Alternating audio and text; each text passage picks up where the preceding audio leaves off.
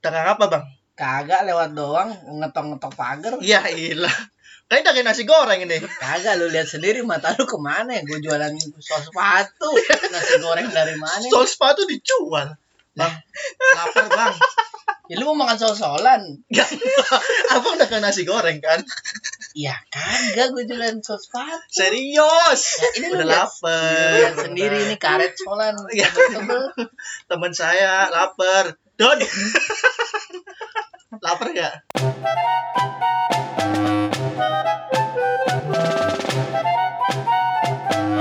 Potori. Podcast History. Podcast sejarah alternatif.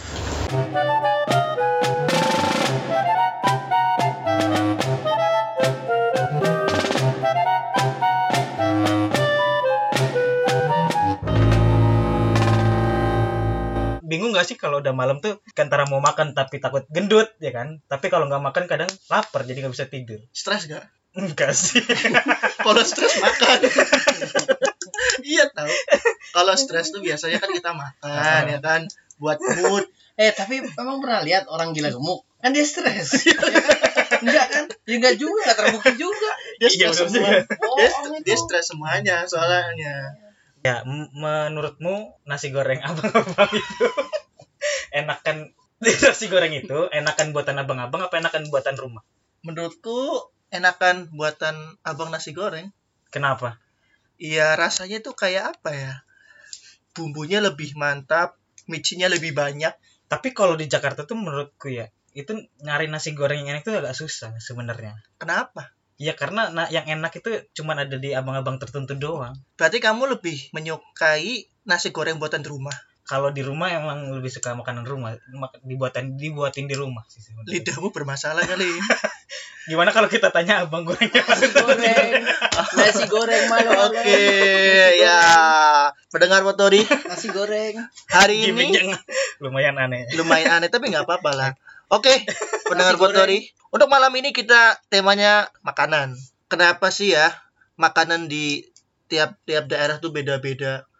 Makanya untuk malam ini kita menghadirkan seorang Chef Arnold pakar kuliner dari Tanzania, Republik Polinesia, Saudara Bambang Widjonarko.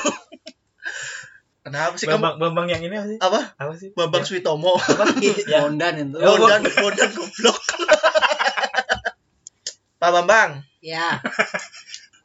mungkin pertanyaannya adalah kenapa nasi goreng abang-abang itu dijualnya kebanyakan malam kita jarang nemuin abang-abang ngejual nasi goreng itu di pagi hari ya kan itu iya. nah itu kenapa dan iya tadi gimmicknya coba dijelasin juga Ya itu karena ka- sebenarnya pertanyaan pentingnya sebenarnya kita sepakat dulu nasi goreng itu enaknya dinikmatin pagi apa malam hari semuanya enak sih menurut saya karena saya suka makan nasi goreng juga gitu.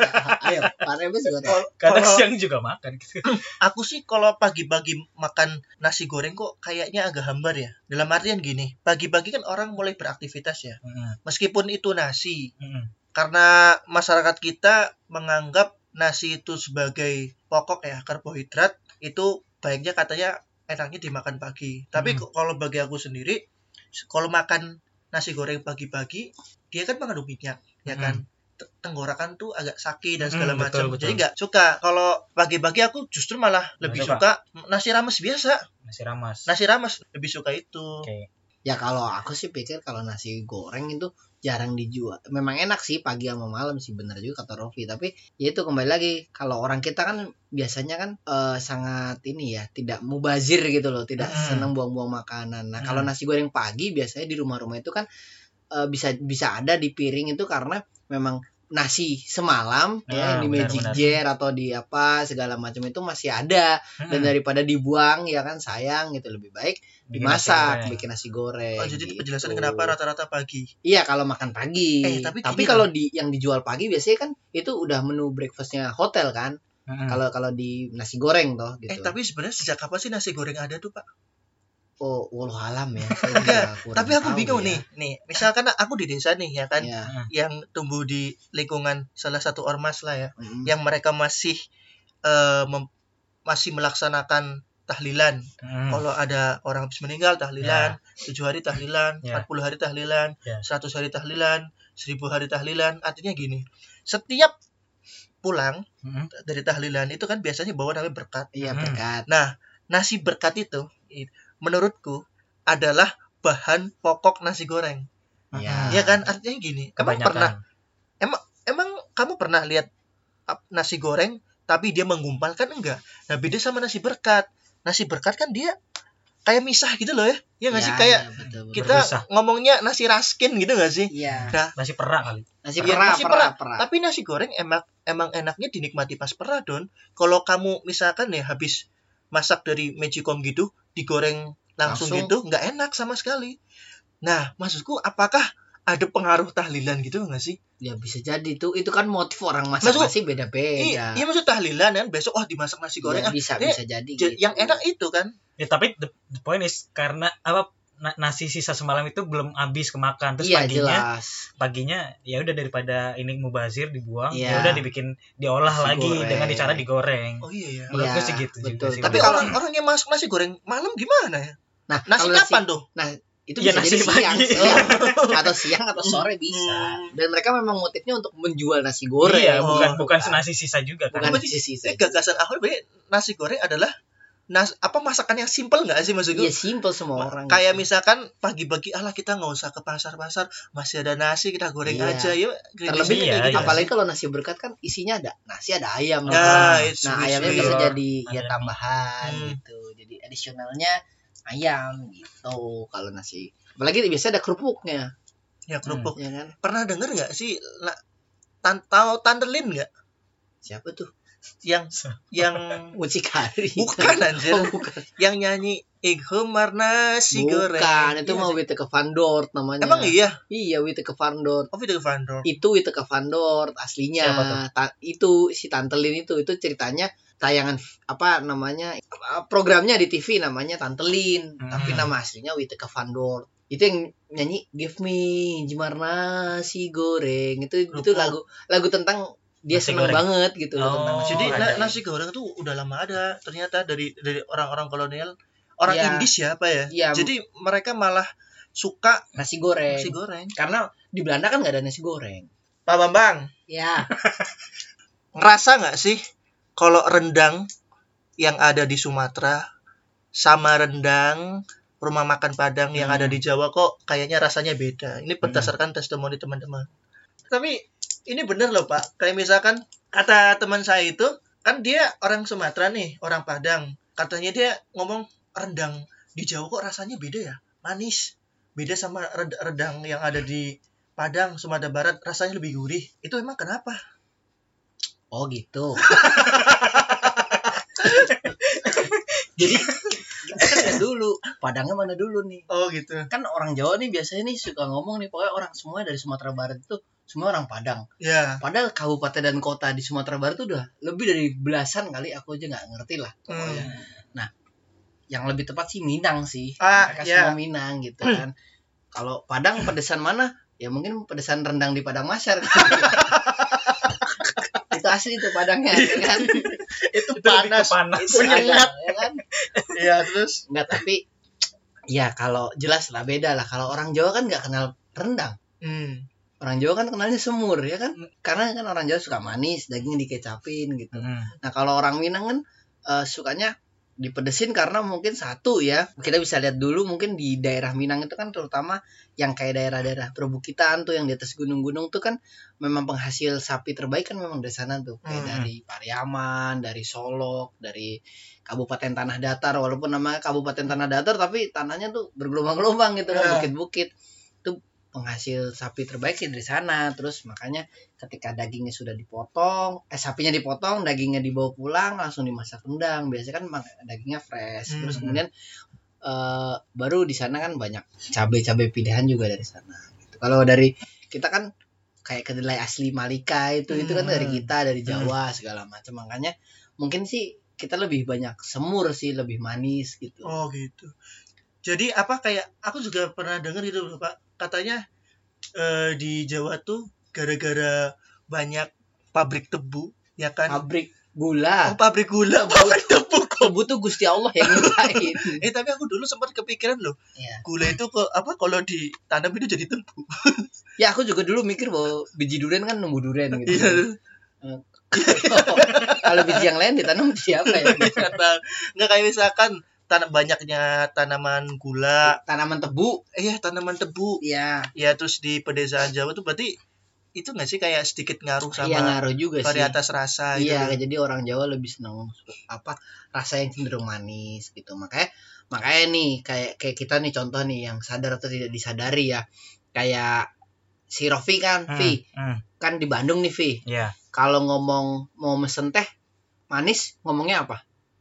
Eh, teh manis Nah, teh manis. Tapi kalau kita di Jawa, teh aja udah Teh- manis teh- teh aja udah manis. Iya, betul, Kenapa? betul, betul, ya betul. karena itu eh, di di Sunda, di Ah. Parahyangan, itu kan mereka kan perkebunan tehnya di sana. Hmm, Jadi mereka akan memberikan eh, yang paling banyak di sana cita rasanya tehnya.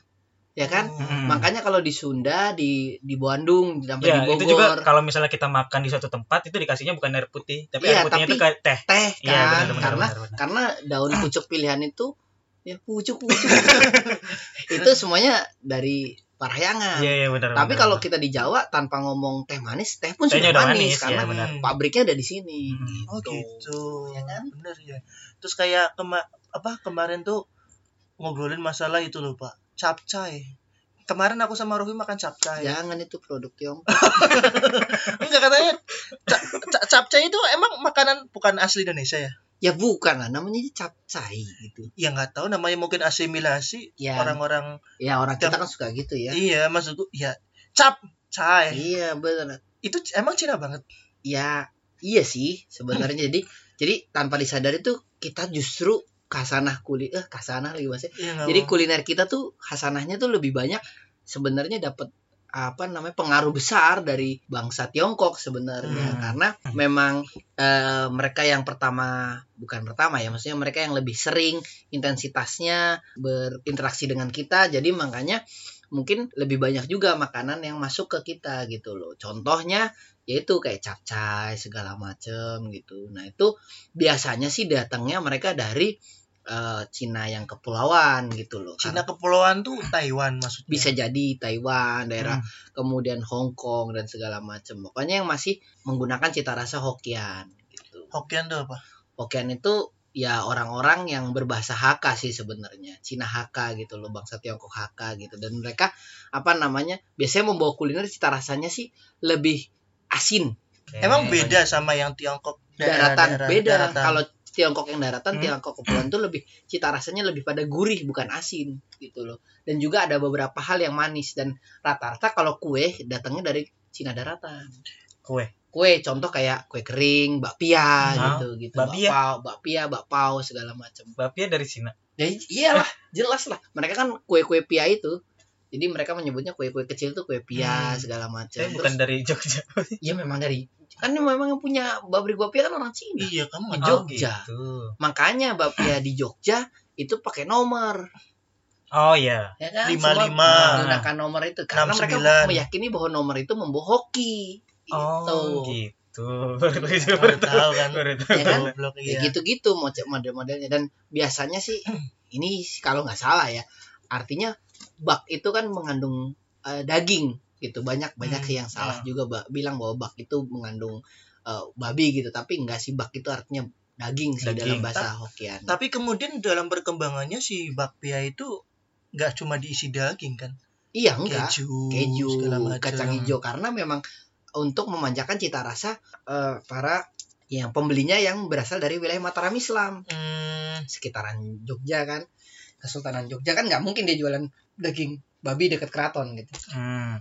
aku juga sempat pernah baca bukunya siapa gitu. Jadi Apa? kayak eh, baca sebuah buku. Jadi kayak kuliner itu di suatu daerah ya. Hmm. Dia kayak apa ya? Mencerminkan kondisi geografis daerah tersebut. Dulu ada pernah skripsi pak, kayak kalau nggak salah tuh bahas tentang gerayak iya ya gerakan, gerakan rakyat kelaparan. rakyat kelaparan jadi di Gunung Kidul. Jadi Nah. ada satu daerah di Yogyakarta namanya Gunung Kidul. Hmm. nah terus eh, dia eh, mereka tuh punya makanan khas. Apa? Namanya gaplek. Gaplek itu dari ketela ya pak? Ketela tela. Nah ini juga bisa kemudian apa dicermati teman-teman. Misalkan kenapa sih eh, di Gunung Kidul itu makanan khasnya gaplek?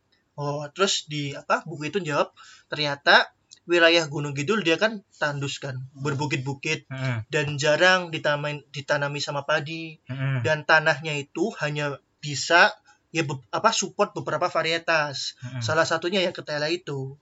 Nah, akhirnya masyarakat sekitar yang memanfaatkan hal yang ada. Jadi tanaman apa yang bisa tumbuh di tangan Hmm. apa di tanah itu. Ya akhirnya diolahlah ketela jadilah gaplek. Terus di daerah Kulon Progo, Kulon Progo ada ada geblek ya. Kampung Geblek. saya Kau Geblek, kampung Bapak ya, geblek. Dia sama tapi dari ubi ya. iya sagu singkong juga sih Oh, si- sebenarnya. singkong juga. singkong. Tapi di di Kulon Progo kan masih itu ya. Maksudnya masih bisa ditanami padi ya. ya jelas karena geblek itu datang dari wilayah-wilayah gunung kayak di kokap segala macam Oh, berarti memang ya karena faktor geografis ya juga faktor kan. geografi juga cuman kokap tidak eh, tandus Hmm. dia hijau subur cuman untuk padi kurang Hmm. gitu loh karena memang tanahnya eh, apa namanya agak sedikit pandai Hmm. Eh tapi anu Pak balik lagi ke apa orang-orang Jawa suka manis ya terus kemudian rata-rata masakannya kan lebih-lebih manis ya kayak misalkan masakan yang dari Sumatera Hmm. dibawa ke bawah apa dibawa ke Jawa semakin ke sini semakin ke sini semakin manis Iya. karena pusat dari tebu kan di sini Mm-mm. misal nih gudeg gudeg emang pakai tebu bukannya Iya. dia pakai gula aren ya? Iya gula jawa kan tapi kan eh, dia pakai nira kan. Oh nira? Nira itu kan dari apa lontar itu kan pohon lontar itu. Emang di Sumatera nggak ada? Ada gula jawa. Tapi kan namanya makanya gula jawa kan. Karena gula yang produksi nira terbesar kan di Jawa. Oh iya juga ya. Di sekitar Jawa Tengah. Makanya kita suka manis banget. Eh, ke pertanyaan yang rendang tadi sebenarnya kenapa eh, rasa pedas itu lebih ada di daerah Sumatera dibandingkan di Jawa gitu loh. Apakah mungkin karena memang eh, orang-orang di sana lebih suka pedas aja gitu Ya. atau Jawa memang suka lebih manis dibanding pedas atau gimana? Oh jadi gini lagi ya, kalau sepengetahuanku di rendang itu sendiri itu sebenarnya bukan bukan nama makanannya, tapi proses memasaknya.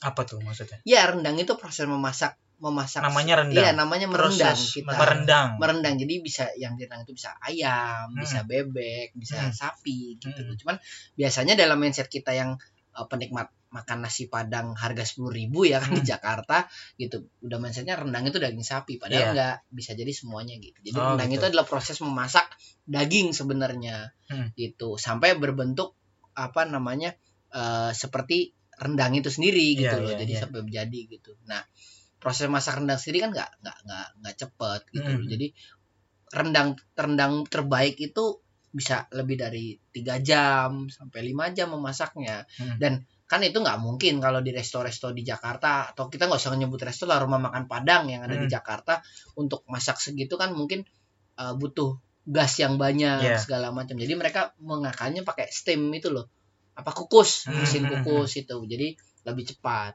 Hmm. yang berimpact juga beda rasanya gitu Oh, kalau di sana merendang itu mereka masih menggunakan tungku kayu Hmm. bakar segala Hmm. macam jadi asapnya masih uh, membuat cita rasa yang berbeda Hmm. gitu jadi Tapi se- secara rasa kenapa di sana lebih lebih pedas gitu?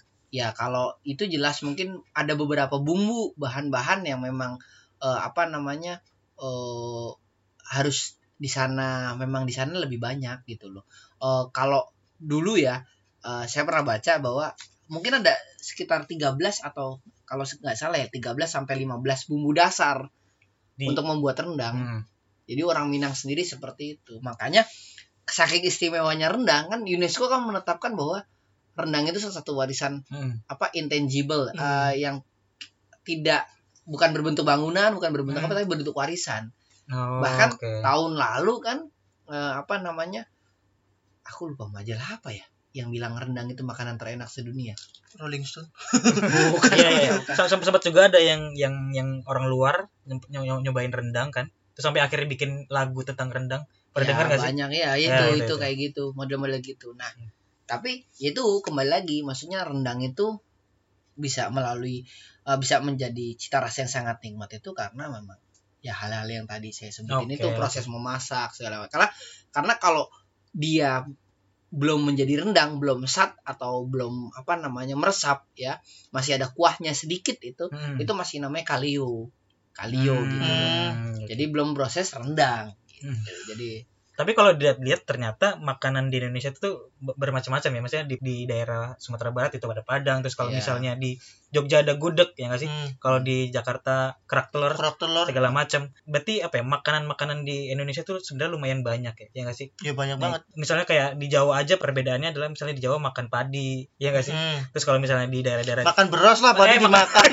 Makan, makan beras. Terus kalau misalnya di daerah dari timur itu makannya sagu. Nah, Hmm, ada juga yang makan eh, umbi umbi umbian nah itu kenapa tuh sebenarnya kalau masalah kenapa menurutku preferensi makan ya pak ya Eh, preferensi makanan tiap-tiap wilayah berbeda karena satu itu di- ditopang oleh geografis Hmm.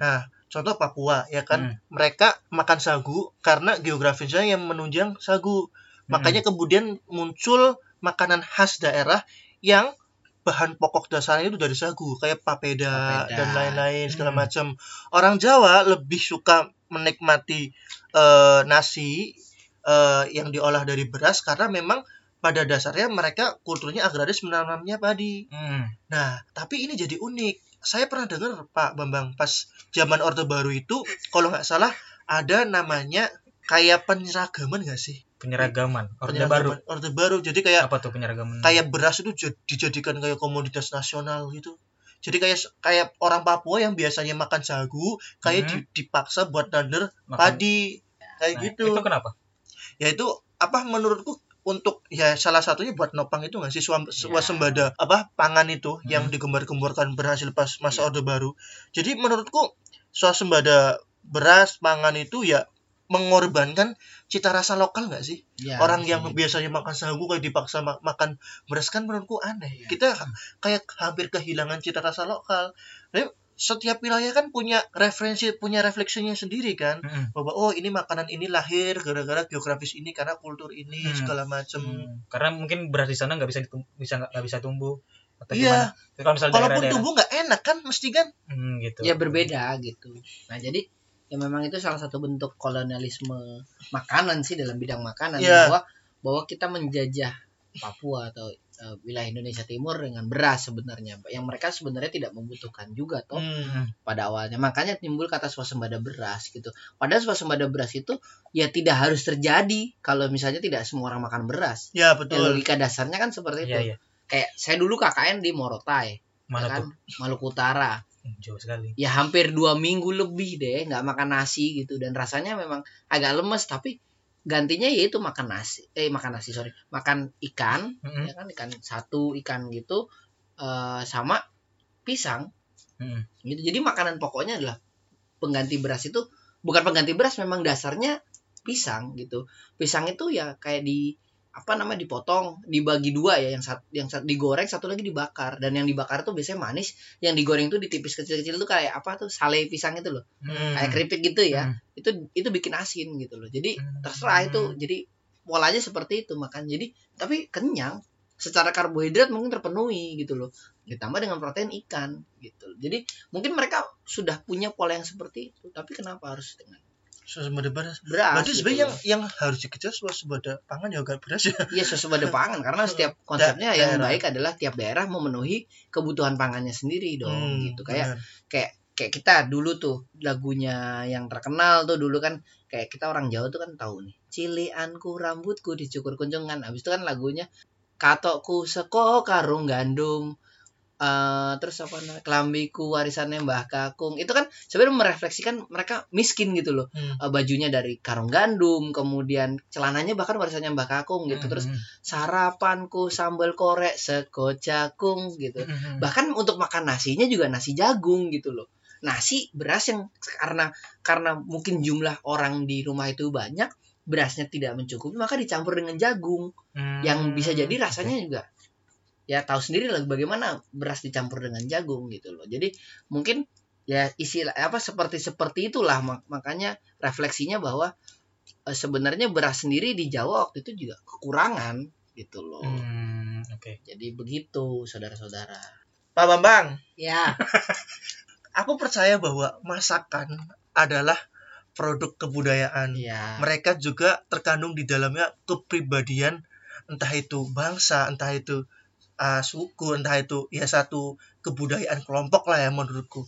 Berarti kan aku tanya apa apa sih ya misalkan kenapa orang Padang mau maunya masak dengan waktu yang lama? Apakah mereka pengen menikmati? Apakah ada seninya? Padahal kan logikanya ya kalau misalkan orang mau masak kan berarti kan makan harus cepet-cepet maksudku ma- ada yang nunggu gitu loh. Misalkan Oke. kamu lapar nih Hmm. ya kan? Terus masak ya kan? Kan nggak harus nunggu lima jam Oke. atau empat jam. Maksudku Iya. kenapa harus kemudian selama itu? Emang apa? Maksudku dia merefleksikan apa sih sebenarnya? Ya kalau untuk rendang sih mungkin karena apa memang untuk mendapatkan rasa yang terbaik memang harus melalui proses yang panjang seperti itu. Karena eh, zaman dulu kan mungkin orang-orang itu kan masih semuanya serba manual kan Mm-mm. mulai dari mereka berladang gitu jadi mungkin memasukkan bahan-bahan itu tidak langsung brek barengan seperti Hmm. zaman sekarang yang instan gitu Mm-mm. karena untuk mendapatkan santan ya santan itu mereka nggak pernah mau sampai detik ini bah pembuat-pembuat rendang terbaik di tanah Minang tidak menggunakan santan-santan instan gitu loh Mm. mereka masih meracik sendiri dari kelapa yang masih berbentuk Hmm. kelapa kemudian mereka mengaduk santannya itu kan lama Hmm. mereka harus membuat santan dulu ya kan? Kemudian di sela-sela mereka buat santan itu mungkin orang lain mengerjakan motong daging segala macam gitu. Itu mungkin ada proses di sana yang membuat hal itu menjadi lama gitu loh. Kemudian proses pemasakannya dan segala macam dan bahkan itu ada ada perbedaan yang jelas kan yang apa namanya saya tadi bilang bahwa se- kalau belum jadi rendang masih ada kuahnya itu masih disebut kalio gitu loh Hmm. sedangkan rendang itu ketika sudah sat bumbunya kemudian bumbunya itu sudah menggumpal Hmm. menyatu dengan daging itu baru namanya rendang gitu Mm. itu itu yang rendang tapi saya nggak tahu bahwa bagaimana pemakanan orang kok mau ya membuat seperti itu gitu loh tapi mungkin di versi yang Jawanya mungkin di versi yang Jogjanya itu bisa mungkin pendekatannya adalah kayak contoh gudeg nih Mm-mm. ya kan gudeg itu kan dulu eh, ada beberapa literatur Jawa yang menuliskan bahwa itu sebenarnya sudah ditulis di beberapa serat ya tentang makanan itu bahwa gudeg itu berasal dari eh, pasukan Mataram gitu saat itu gitu loh jadi gudeg itu berasal dari kata-kata hangudeg hangudeg Oh. itu hangudeg Oh, itu apa see. namanya Meng- Mengaduk. mengaduk mengaduk seperti itu Jadi, Mengudek. nah, itu ketika terjadi geger apa namanya penyerangan eh, Kesunanan Surakarta terhadap Yogyakarta Hmm. saat itu. Jadi saat itu dalam kondisi perang, kemudian saat itu mungkin yang dilihat banyaknya adalah gori atau nangka itu, nangka muda, kemudian dimasak dengan daun jati segala macam dan prosesnya mengudaknya Hmm. dengan cara seperti itu. Jadi dan Oh, memang saat itu oke. memang gudeg memang dipersiapkan untuk ransum perang oh gitu iya saat itu jadi memang karena karena memang untuk ransum perang maka di pikirannya adalah ini makanan harus tahan lama awet ya kan segala macam. Jadi memang harus menggunakan proses seperti itu. Jangan-jangan baik gudeg ataupun rendang sebenarnya adalah makanan survive. Iya nggak sih? Ya maksudku gini loh. saya nggak bisa bilang seperti itu juga ya tapi Kayak ya, kalau, kalau asumsi. kalau gudeg sih bisa jadi. Iya, karena, kalau- karena karena karena karena ceritanya seperti itu. Kan keduanya nih re- rendang sama gudeg. Ini kan dua makanan yang bisa dinikmati dalam jangka waktu yang panjang.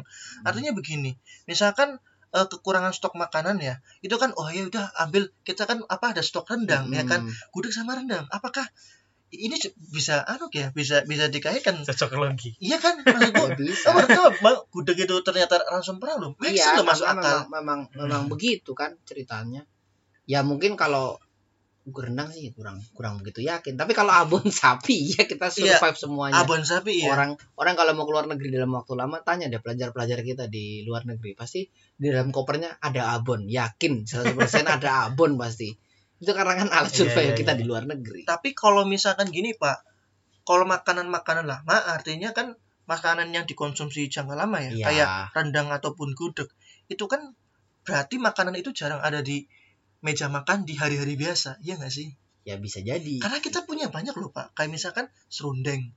Serundeng Ya. itu makanan tahan lama juga loh. ya memang kan? tahan lama Aku nggak tahu ya, apakah sebenarnya orang-orang Jawa ya dalam keseharian mereka akan menghidangkan gudeg enggak juga bukan orang Jawa juga tapi kan orang Jogja pada umumnya gitu loh ya bahkan kan gudeg itu kan tidak masuk dalam list daftar makanan keraton sebenarnya pada awal-awalnya. Karena memang dipergunakan untuk ransum perang. Tapi karena kemudian mungkin aku lupa HB7 atau HB8 yang kemudian eh, apa namanya menciptakan menu gudeg manggar. Apaan tuh? Ah, manggar itu jadi ujung daun jati. Ah bukan daun jati daun pucuk pucuk pucuk pisang. Sorry Hmm. sorry. Dada pisang itu namanya manggar itu tuh. Jantung pisang kok dada Hmm. pisang. Jantung pisang itu dimasak jadi sangat enak sekali gitu. Hmm. dan itu sangat istimewa sekali benar-benar gudeg prosesnya juga ya gue dapet artinya maksud baik ma- baik nangka ataupun jantung pisang ya juga diganti ya jadi diganti ditambah. pakai bonggol gedang Iya. ya bisa paling ya Ya, berarti eh, secara keseluruhan sebenarnya setiap setiap daerah itu kan punya masakan masakan atau menu-menu khusus eh, sesuai daerahnya masing-masing itu berdasarkan pertama mungkin daerahnya sendiri Iya. tempat geografis geografis bercara bercocok, bercocok tanamnya jadi memang itu berdasarkan eh, letak geografisnya terus yang kedua kayak rendang dan gudeg ter- ternyata berasal dari cara memasaknya itu sendiri Hmm. ya kan dan mungkin ada juga kegunaan dari makanan itu sendiri sebelumnya jadi kayak berdasarkan eh, kebutuhan yang ada misalnya kayak ransum perang jadi dibuatlah makanan itu Iya. sendiri yang tahan lama Hmm, nah. Hmm. itu kan di Indonesia tuh nah saya sempat lihat eh, tweet juga sih tentang makanan juga ada tweet tentang orang luar dia foto makanan dia kentang kentang rebus biasa sama roti roti plain gini sih biasa. Terus ada yang ada yang balas nih sometimes I look at people's dinner and think thank God I'm Asian. Eh, di foto ini kan kayak rasanya tuh biasa aja tuh. Kalau orang luar melihat makanan seperti ini itu kayak luar biasa. Sedangkan kita melihat makanan kayak kentang rebus biasa terus Hmm. roti tawar biasa itu kan kayaknya nggak ada rasanya kan. Hmm. ngerti gak sih? Itu kenapa di luar negeri tuh mereka menganggap eh, makanan-makanan yang nggak berasa ini tuh enak. Sedangkan kita tuh merasanya wah ini kan kayaknya kayaknya biasa aja. Jadi emang orang luar nggak kenal rempah ya? Iya, bukannya kita si Ah. orang luar itu itu ya apa jajah kita gara-gara rempah ya? Mm-mm. Itu. udah jajah kenal rempah makanannya lembar juga. Goblok. Eh Ya, gimana? makanya, makanya kan ya mungkin itu sih sebenarnya. Karena kita- lidah kita terbiasa dengan bumbu yang spicy rempah gitu loh. Jadi sudah terbiasa mindsetnya bahwa oh iya makanan ini gini rasa berasa gitu loh. emang berarti orang-orang VOC datang ke sini ya ke Kepulauan Nusantara mereka kan sa- salah satunya kan ngambil rempah ya pala segala macam ya bahan-bahan yang di kita sebenarnya untuk memperkaya cita rasa makanan ya kan tapi kemudian tidak mengubah apa pun Hmm.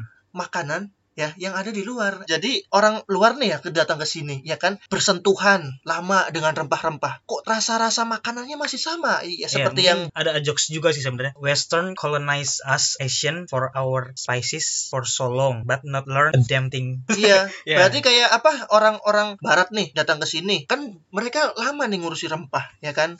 Kemudian udah gitu udah lama ngurusin rempah rasa masakannya masih gitu-gitu aja. Emang mereka selama itu nggak belajar apa cara mengolah rempah-rempah dalam makanan itu gimana? ya karena pertama sih memang mereka nggak pernah punya ekspektasi bahwa rempah itu untuk masakan ya Rempah itu rempah itu bukan untuk masakan. bukan untuk masakan Menurut karena kolonial dulu. Iya, menurut menurut apa namanya eh, proses mereka mau menjelajahi dunia timur gitu, mendunia mencari rempah itu karena pertama kali mereka pikir rempah itu ya berguna untuk mengawetkan daging. Mengawetkan Dan- daging. Iya, mengawetkan daging karena kan ketika masuk musim dingin jelas bakteri bakteri itu berkembang cepat di tempat lembab segala macam. Jadi daging itu mengalami pembusukan lebih cepat. Nah, Hmm. ternyata melalui orang Tiongkok ya melalui orang China mereka belajar bahwa oh ternyata daging itu bisa di eh, bisa diperlambat ke pembusukannya dengan cara ditaburi beberapa rempah-rempah begitu Oh, gitu. Termasuk pala. pala dan Iya. untuk kosmetik juga Oh, gitu panas. loh. Oh, iya, kayak gitu. Aku pernah baca dari sejarah rempah Jack Turner juga. Jadi eh, orang-orang eh, Eropa datang ke sini memang kan nggak ada memang dulu nggak ada pendingin ya. Terus kemudian mereka Yang nggak ada memanfaatkan kulkas. memanfaatkan itu untuk pengawet makanan dan juga kosmetik karena Hmm. gini. Eh Jack Turner ngomong gini, jadi orang-orang Barat tuh datang ke Timur itu digerakkan oleh mitos. Dalam artian kamu Oh, gitu. kalau mi- kalau misalkan eh, menggunakan kayu manis Ah. ke dalam tubuhmu terus kemudian mengkonsumsi kapulaga ke dalam tubuhmu kamu Ah. akan diberkahi dewi segala macam kayak gitu juga jadi ya bener sih dong jadi orang-orang barat ke Ke sini Asia. ke Asia memang bertemu rempah karena memang kepentingannya bukan ingin menambahkan cita rasa dalam makanannya juga artinya bukan mereka learn ya bukan mereka tidak mau belajar ya ya Hmm, karena bukan- kepen- kepentingannya satu untuk eh, mengawetkan makanan kedua karena ya mitos mitos yang bahwa rempah itu bisa mempercantik rempah itu bisa Hmm. eh, apalah segala macam bisa memperindah tubuh bisa membuat tubuhmu diberkahi dewi dewi dan Hmm. mungkin juga tahu apakah eh, mereka membawa rem- rempah untuk sesajen Hmm. dewa-dewa mereka. Ya berarti memang itu salah satu alasan kenapa mungkin kalau rasa-rasa di luar negeri itu hambar. tidak lebih enak dibandingkan di Indonesia lah terutama lebih lebih banyak rasanya berarti ternyata memang kolonial itu nyari rempah-rempah di Asia bukan bukan untuk menambah cita rasa Enggak, makanan dia dan karena- dan bukan bukan bukan mereka juga nggak belajar tapi memang tujuannya yang berbeda Tujuannya ya berbeda. awalnya gitu. seperti itu tapi kemudian kan mungkin masa ratusan tahun mereka nggak ada percampuran gitu kan masih ada lah belajar belajar juga Ada yang bercampuran orang-orang Indisnya, makanya iya muncullah nasi goreng dan Iya, segala macam. gitu. Jadi orang-orang Eropa yang kemudian menikah dengan uh, orang-orang negara koloni, nah terus kemudian melahirkan masakan-masakan baru, ya termasuk Iya. nasi goreng itu. Nasi goreng adalah salah satu masakan yang kemudian dirundukan oleh generasi Indis atau Iya. generasi orang-orang Belanda yang nikah dengan orang orang pribumi, terus kemudian melahirkan anak-anak darah campuran. Nah itu Oke. mereka sangat merindukan nasi goreng.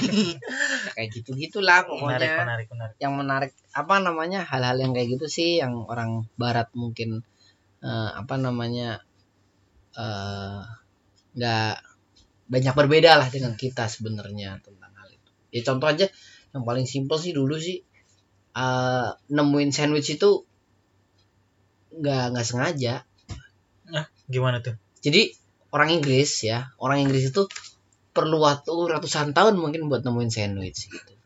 Jadi proses makan mereka tuh berbeda. Hmm. ketika mereka menghidangkan di piring ada daging di piring ada eh, roti di piring ada selai ada segala macam dan dan ketika itu mungkin salah satu raja Inggris raja John ya waktu itu itu eh, sedang terburu-buru karena apa pengen segera melihat pasukannya yang sedang berlatih gitu. Hmm. nah kemudian eh, apa namanya eh, dagingnya itu kemudian oleh raja John itu dimasukkan ke dalam eh, roti gitu. Jadi ditangkup jadi tang masuk ke dalam tangkupan roti itu kemudian dibawa dimakan. Ternyata oh cara ini lebih simple gitu Hmm. loh dan enak gitu diberi saus dan maka terciptalah mulai situ sandwich gitu Oh, ya sekonyol itu sih mereka saat Ya, ya. itu sedangkan Dan mereka berarti memang budaya budaya praktis. ya Dalam- pada oh, saat itu Dalam budaya gini juga berarti gini artinya gini.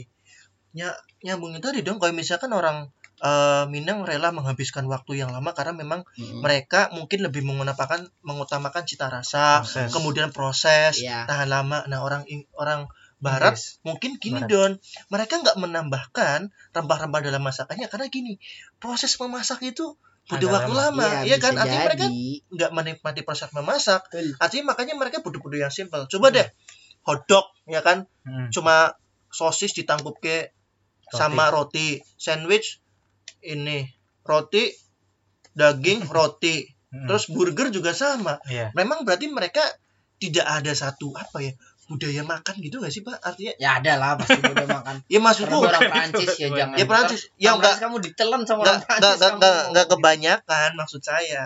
Kalau di kita kan maksudku memanfaatkan setiap momen, Momen. makan itu sebagai ngobrol kan misalkan Hmm. gimana le sekolahmu sampai mana Ya, tapi sebenarnya kesimpulannya adalah sebenarnya eh, setiap makanan itu punya prosesnya masing-masing dan Mm-mm. tujuan ah, tujuan awalnya itu juga beda-beda gitu. ya Dan sebenarnya kita juga harus bersyukur sih karena di Indonesia itu kan rasanya juga enak-enak, Mm-mm. terus macam-macamnya juga banyak kita bisa ngerasain berbagai macam makanan. Ya enggak sih? Iya. Di Indonesia. Gitu sih, Pak.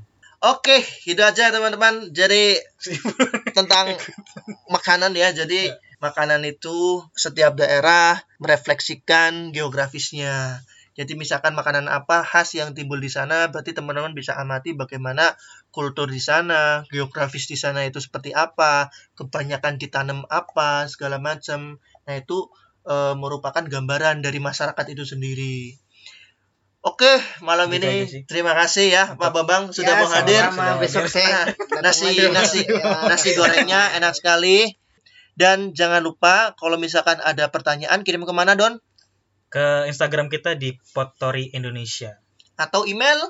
Potori Indonesia at gmail.com Oke gitu ya Atau kita. mungkin nanti ada teman-teman juga yang mau join seperti Pak Bambang mau sharing-sharing is oke lah. Oke, sampai jumpa di episode selanjutnya. Dadah.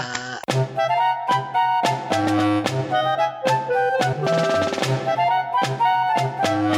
Potori Podcast History. Podcast sejarah alternatif